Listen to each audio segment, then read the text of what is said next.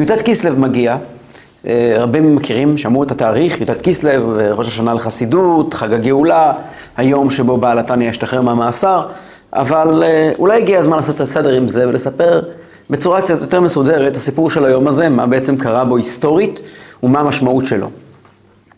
אז כדי להתחיל את ההיסטוריה צריכים להתחיל מההתחלה, מתחילת החסידות. חסידות מתחילה בעצם בהתגלות הבעל שם טוב. הבעל שם טוב הוא היה אדם שנבחר בידי השגחה העליונה לגלות לעולם את הסוד הגדול, את הפנימיות של העולם, את הפנימיות של הנשמה של יהודי, וגם דרך חדשה בפנימיות התורה. פנימיות התורה התגלתה עוד לפני הבעל שם טוב. מקובלים היו עוד הרבה קודם. הבעל שם טוב לא מפורסם דווקא בתור מקובל, הוא היה מקובל, מקובל גדול, אבל לא, לא, לא זה עיקר פרסומו. הוא בעצם הגיע ודיבר על פנימיות בכל דבר, הוא חיפש בכל דבר נשמה. הוא דיבר על הפנימיות של היהודי, לא מה שרואים באופן חיצוני, אלא מה מסתתר מאחורי היהודי בפנים. הוא דיבר על פנימיות של, של התורה, התייחס לתורה באופן אחר.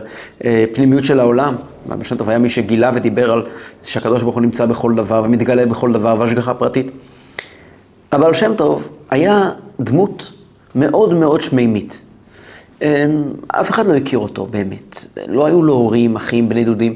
יום אחד, משום מקום, הוא צץ ובבת אחת התגלה, וזה היה בתכנון מוקדם, הוא עבד הרבה שנים לפני כן עם רשת של צדיקים נסתרים שהכינו את הקרקע, אבל הפריצה שלו הייתה בבת אחת ובממדים אדירים שהקיפה את השדרות, את רוב שדרות העם, בעיקר את, ה, את העם היותר פשוט, את, ה, את החלק היותר עממי.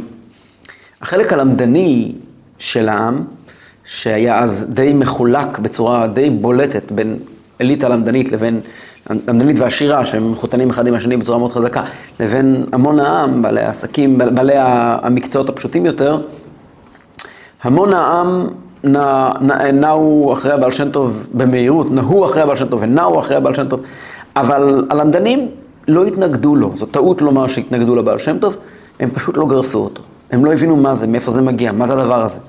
מה יש לו לומר לאיש המוזר הזה שמרפא חולים וגר לו באיזה כפר נידח ומדבר עם אנשים, מה, מה, מה הסיפור? הם לא ידעו באמת איך לאכול את זה. אלה מאותם גדולי תורה שהחליטו לבדוק את התופעה, היו קבוצה לא קטנה, שכל אחד מהם, כשהוא הגיע במגע עם הבעל שם טוב, התמכר לבעל שם טוב, והפך להיות מהאנשים שלו. האנשים שסבבו את הבעל שם טוב, ברמה הקרובה, היו גאוני עולם, צדיקים, שחלקם הלא קטן היה יותר מבוגר ממנו גם בשנים. אה, הבולטים שבהם היה רבי יעקב יוסף ופולנה, והמגיד ממזריץ', ו- ועוד, אה, רב יייבי, ועוד אנשים שהיו מוכרים בלי קשר לבעל שם טוב, לפני שהבעל שם טוב התגלה, היו מוכרים כאנשים גדולים, אדירי תורה וארזי הלבנון. וכשהם התקרבו לבעל שם טוב, הבעל שם טוב כמובן דיבר איתם בשפה אחרת, והבעל שם טוב גילה להם את ה... את ה עולם פנימי שלא דובר מעולם עד לאותם ימים, ובעצם גילה להם את מה שאנחנו כחסידים מאמינים שזה תורתו של משיח. הבעל טוב הסתלק, נפטר מן העולם, בחג השבועות תקכ, בלועזית זה 1760. את מקומו מקבל תלמידו, המגיד ממזריץ'. המגיד ממזריץ' שונה לחלוטין מהבעל שם טוב בכל דרך שתהיה. המגיד הוא אדם מוכר למשפחה מוכרת, גאון מפורסם, אה, יש לו חברים, תלמידי חכמים, אה, תשובות הלכתיות שלו מתפזרות בין האנשים. אה, בימינו אין לנו כל כך תשובות הלכתיות של המגיד באמת, אבל בימיו היו. ואדם שאי אפשר להתעלם מהנוכחות שלו, וגדלותו התורנית אינה מוטלת בספק. והאדם הזה נכנס לנעליים של אותו, אותה דמות פלאים אה, מיתית, אותו, אותו אדם ש, ש, שאף אחד לא קלט בכלל, מחיי מתים ו, ומרפא חולים, ופתאום מגיע לתוך הכיסא שלו אדם מאוד מאוד מאוד אה, מוכר ומסודר, אה, הדבר הזה בעצם עורר את ההתנגדות. ההתנגדות בעצם נבעה מהסכנה שאנשים חשו כשהחסידות, אותה תופעה מוזרה, הפכה להיות נורא נורא ממוסדת והקיפה רבנים חשובים מאוד וגדולי תורה חשובים מאוד. שהתלקטו, התלכדו והתלכדו והתלקטו אה, אה, אל, אל ביתו של המגיד במזריץ', שאגב גר רוב ימיו לא במזריץ', אלא בעיר שנקראת רובנה. המגיד ריכז סביבו כמות גדולה של תלמידים, שברובם היו אנשים מוכרים עוד יותר מהאנשים בדור הקודם, תלמידי הבעל שם טוב, מוכרים כגאוני עולם, רבנים ענקיים, הבולטים שבהם, המפורסמים שבהם, זה רבי לוי יצחק ברדיצ'ב, שהיה הרב של פינסק, ואחר כך נהיה הרב של ברדיצ'ב, שני ערים חשובות וגדולות מאוד. רבי מנחם בן מויטפסק, הנועם אלימלך, רבי שמואל קמין ניקשלבורג, רבי פנחס בעל אפלה, ועוד רבים רבים רבים שהיו אה, באמת אנשים שאף אחד לא יכול היה להתעלם מהנוכחות שלהם, ויכולת להגיב להם או בהתמסרות וקבלה, או בהתנגדות. או בלבוא ולומר, האנשים האלה לא מקובלים עליי, ואני רוצה להילחם בהם. וזה בעצם מה שעשו אה, אלה שלא אהבו את הדרך החדשה של החסידות, התחילו להילחם בתלמידי, בתלמידי המגיד. מלחמה לא פשוטה. אה, יצא חרם ועוד חרם, לא ניכנס כעת לשפוט את ההיסטוריה, אה, אולי כדאי לעשות את זה, אבל לא היום. המגיד הסתלק מן העולם בי"ט בכסלו תקל"ג, 1772. כשהמגיד מסתלק מן העולם בי"ט כסלו, היום הזה הוא כבר יום ציון דרך, יום הסתלקות אצל חסידים, זה יום חשוב מאוד, יום שבו מסתכם, יום של סיכום של מה האדם הזה עשה בעולם ומה עשה המגיד בעולם. המגיד לקח את אותה תורה נפלאה, אה, מופשטת, אה, אה, רוחנית של הבעל שם טוב, ויצק אותה לכלים מאוד מאוד ברורים, למתודה. שאותה הוא לימד תלמידים, שהתלמידים האלה הלכו באמת ממקום למקום והתמנו להיות רבנים והעבירו את זה, הפכו את זה מרעיון, מכוכב השביט, מכוכב שעף ברקיע, מניצוץ, הפכו את זה לבעירה קבועה, לדרך, לשיטה. המגיד עורר כתיבת שולחן ערוך וכתיבת סידור וכתיבת אה, אמ, הרבה מאוד שינויים של נוסח התפילה, נפתחו בתי תפילה חסידיים, שחיטה חסידית וכך הלאה. הוא הפך את, ה, את התנועה הרוחנית של הבעל שם טוב לתנועה אה, עממית מאוד מסודרת של, של עדה חדשה בעם ישראל, דבר שכמובן, כמובן לא עבר בלי התנגדות. למגד היו הרבה תלמידים כפי שהזכרתי קודם. אה, הבולט שבהם היה הצעיר שבהם, והבולט שבהם, היה רבי שניאור זלמן בעל התניא. אה, בעל התניא היה מפורסם כגאון עולם, קודם כל, לפני שהוא הגיע אל המגיד, מפורסם כגאון, אה, יוצא מכל, מכל הגדרה אנושית. אה, יהיה מטופש מצידי כעת להתחיל לתת סופרלטיבים. אין כמעט דרך, אין דרך להסביר מי זה בעל התניא, מהי גאונותו, בלי לשבת ולנסות ללמוד קצת קונטרס אחרון מתוך השולחן ערוך שלו, להעמיק קצת בכתבים שלו. לא, לא, לא משהו שאנחנו יכולים בכלל להכיל בשכל שלנו. מספיק שנציין שכשהוא היה בן 13, אה, גדולי הדור שבאזור שלו, אה, אזור ויטפסק, לא רחוק מליטא, אה, גדולי הדור הכתירו אותו בתואר רב תנא ופליג, כלומר טיפוס כזה שאם היה בתקופת התנאים, יכול היה לחלוק על תנאים אחרים גם כן. היחס אליו, הוא היה באמת, טוב, לא, מה שנקרא, ולא דמויה תהילה, טיפשי יהיה לנסות להסביר את דולתו בתורה. כשהוא הגיע למגיד, והמגיד בחר בנשמה שלו וישב איתו, והמגיד הדריך אותו בתורת הבעל שם טוב, אבל באופן קצת שונה. כמו שאמר רבי לוי יצחק מברדיצ'וב, כולנו אכלנו מאותה הקערה, אבל את השמנת קיבל הליטאי, ככה היו מכנים אותו החברים שלו, תלמידי המגיד. אה, בעל התניא קיבל מהמגיד אה, אה, את, ה, את, ה, את, ה, את עיקר הרעיונות של הבעל שם טוב, ובעל התניא שהיה אדם מאוד מאוד שיטתי ומאוד מאוד מסודר ומאוד מעמיק, אה, סוג של רמב"ם, אה, ישב, וכמו שהרמב"ם בעצם עשה לכל המושג של אמונות, וכתב לנו את אה, עיקרי האמונה, או כמו שהרמב"ם עשה להלכה, וייסד את ההלכה מההתחלה, ככה בעל התניא בעצם לקח את רעיונות הבעל שם טוב, וייסד אותם בצורה מאוד מאוד, לא רק מתודית, אלא באמת חקר עד שהגיע לליבה שלהם, ו- ו- ויצר מזה תבניות חדשות, ו- ויצר את תורת חסידות חב"ד. בעל התניא היה הדבר שהכי עצבן את אלה שהתנגדו לחסידות. ולמה? מכיוון שהוא היה הכי קרוב אליהם, הכי, הכי, הכי, הכי דומה להם. בין תלמידי המגיד היו לא מעט אנשים שהיו בכלל, בכלל, אה, היו הרבה יותר שונים מרוב היהודים, הם התנהגו בצורה אפילו מאוד משונה. היה אחד מתלמידי המגיד אה, שהיה מעורר את תלמידיו להסתובב ברחובות ולהתגלגל באמצע הרחוב וללכת לבתי הכנסת ולצחוק מהרבנים ולומר להם שאין להם יראת שמיים ולהרגיז אנשים עד לגרום לאנשים ללכת ולחפש את הדרך החדשה של המגיד. היו כל מיני טיפוסים. היה רבי לוי יצחק והיה מתפלל מתחיל להתפלל כל יום שעות אחר הצהריים, וממשיך בדבקות וצעקות עד אמצע הלילה. אלו היו אנשים שהם לא היו אנשים רגילים. לעומת זאת, בעל התניא, עיקר העיסוק שלו ועיקר הפרסום שלו היה בחלקים הרגילים, הרגילים והנורמטיביים של התורה. גאון הלכה שלא קם כמותו, בטח מהרמב"ם, בסגנון ובהסברה, ובספרים שהוא כתב, מקובל ענק, כמו כל המקובלים, כולם אז היו מקובלים, גם אלה שהתנגדו לחסידות היו מקובלים. הוא היה מאוד מאוד דומה לכולם, והוא גם כן לא דגל בהתנהגות אה, יוצאת דופן, מופרעת, להפך, הוא היה מאוד מיושב, ומהסיבה הזו הוא גם סחב אליו אלפי תלמידים שהיו בעצם שייכים יום קודם לבתי ספר, למסגרות אחרות, הפוכות, של התנגדות לחסידות. והדבר הזה מאוד מאוד מאוד הרתיח את המתנגדים, ובראשם עמד אה, אה, טיפוס מפוקפק בשם אביגדור, שראה מגי, תלמידיו בכלל, אה, ראה בהם אויבים נוראים, הוא היה אדם מאוד, אה, הוא היה אדם נרקיסיסט שביקש את אה, כיסא הרבנות של פינסק ועשה את זה על ידי שהוא זרק את רבי לוי יצחק מהעיר, ורבי לוי יצחק ברדיצ'וב באמצעות השלכת אבנים עליו, ופשוט גירש אותו מהעיר, והתנהג בצורה מאוד מאוד לא, לא, לא נורמלית. והוא עמד כאילו כמין סוג של סמכות תורנית. בעיקר אחרי שנפטר הגאון מווילנה, הגאון מווילנה נפטר בחודש תשרי תקנ"ח, ומיד אחרי פטירתו, כאילו קם אותו אביגדור ואמר, המורשת של הגאון מווילנה היא לא תורה ולא יראה, אלא אה, לא, מלחמה בחסידות, וצריכים לחדש את המלחמה וללכת בכל התוקף, והוא ארגן אה, על שנה על, לממשלה על בעל התניא. במשך אה, מאות שנים, לא ידענו בדיוק מה כתוב בהלשנה.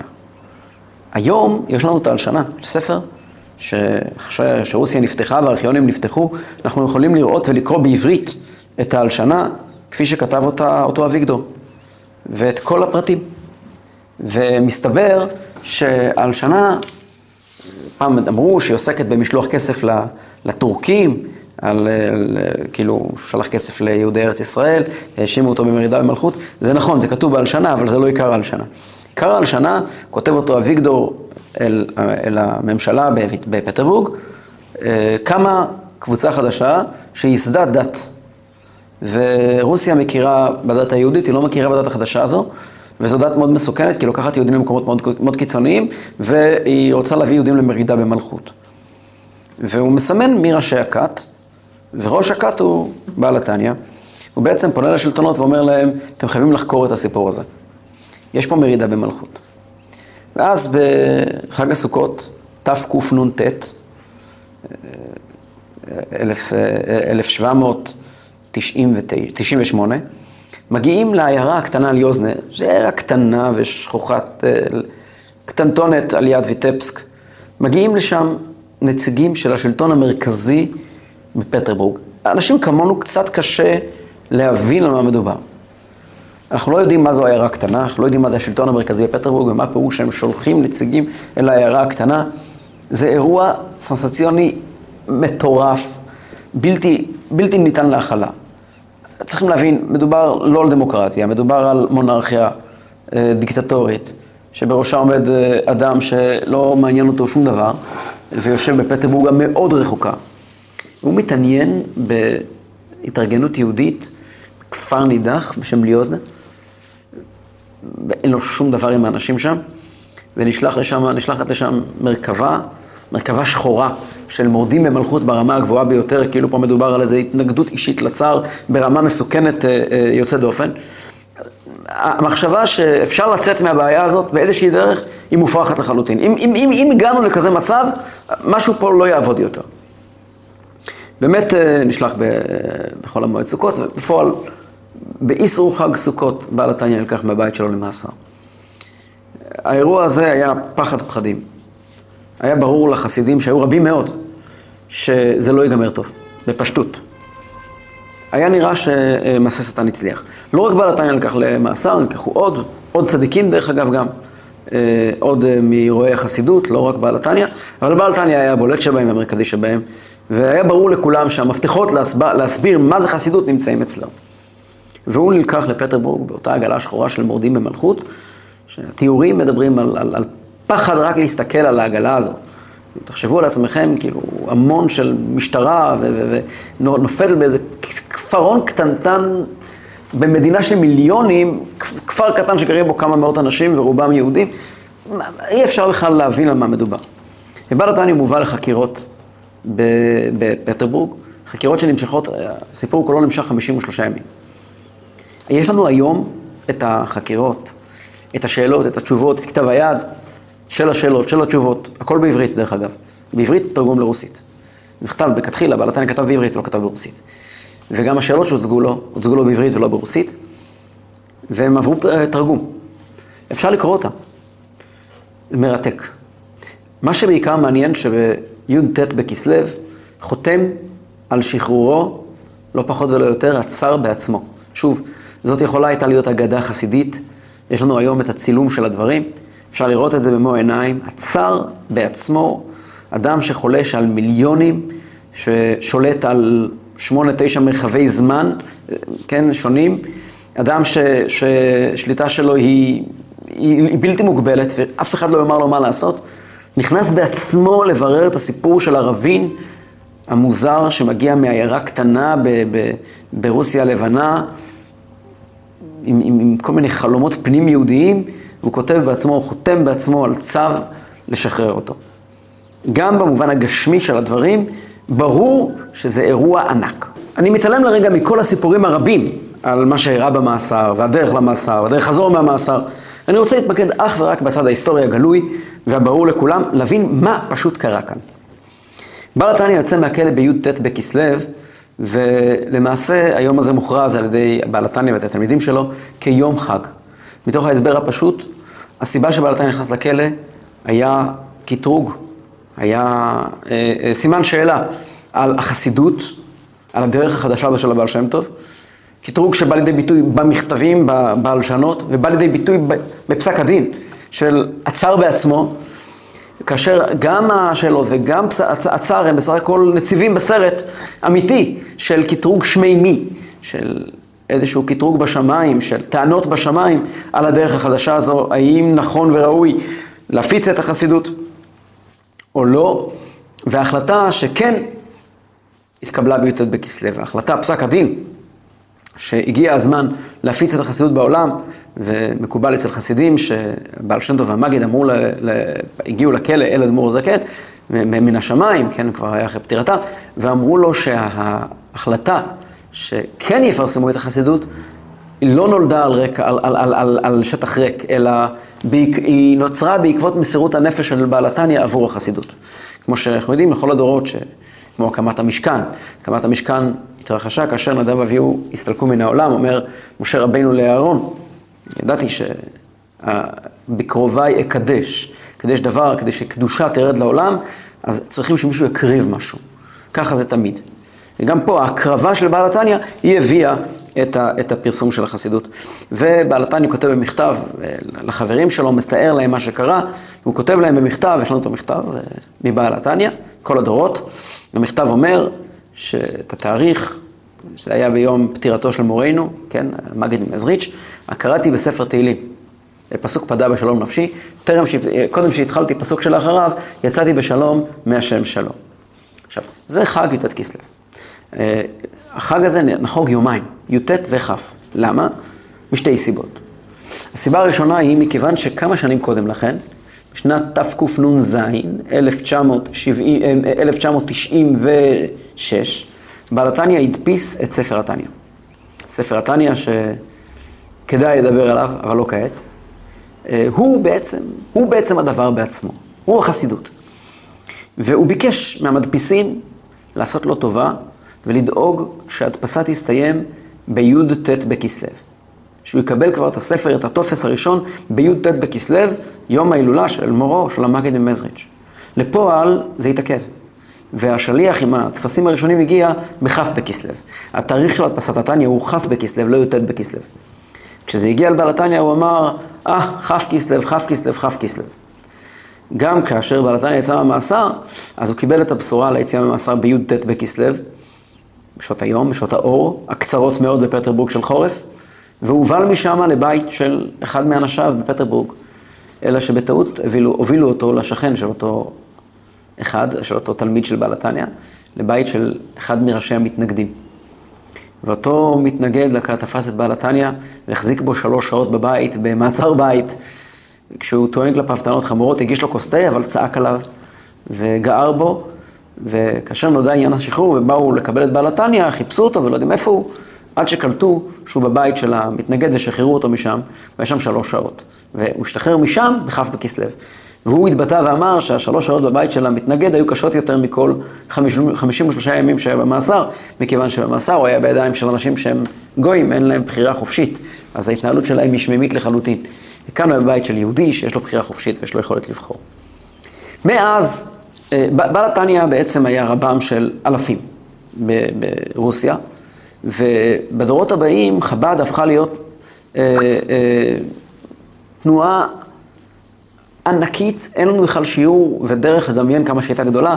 במפקדים רשמיים של השלטון הרוסי, בתקופת הצמח צדק, נכדו של בעל התניא, מדובר על משהו שיש בו קרוב או בסביבות המאה אלף אנשים שמגדירים את עצמם חב"דניקים. אני לא יודע אם יש היום דבר כזה. הסיבה היא מכיוון שחב"ד לא הייתה חסידות כמו שהיא היום, חב"ד הייתה בעצם דרך החיים האולטימטיבית ליהודי, היה, שתי, היה, היה רק שתי אפשרויות להיות יהודי באותם ימים, דתי.